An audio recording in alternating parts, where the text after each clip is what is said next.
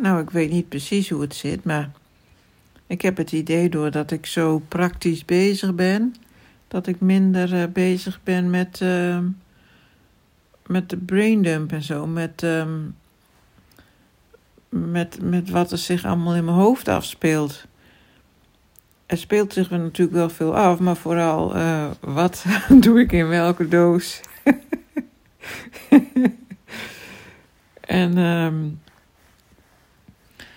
ja, ik heb ook um, eind vorige week besloten van, uh, dat ik even geen social media berichtjes uh, meer maak. En ik moet zeggen dat dat wel heel fijn is. Want dat zat toch de hele tijd als een soort druk. Zo van, oh ja, ik moet ook weer nieuwe berichtjes maken of teksten maken en zo.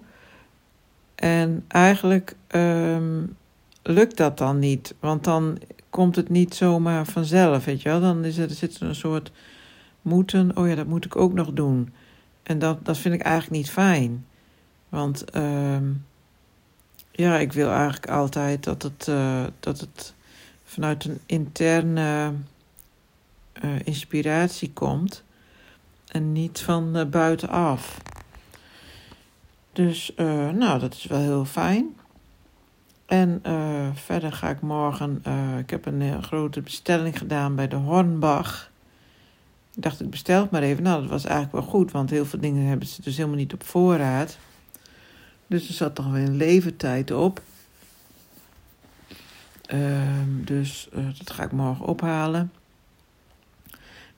En um, ja, wat zal ik er verder nog eens over Ik weet verder niks eigenlijk. Het is alleen maar uh, inpakken en dingen wegbrengen. En um, dat is eigenlijk mijn uh, verhuisjournaal tot nu toe.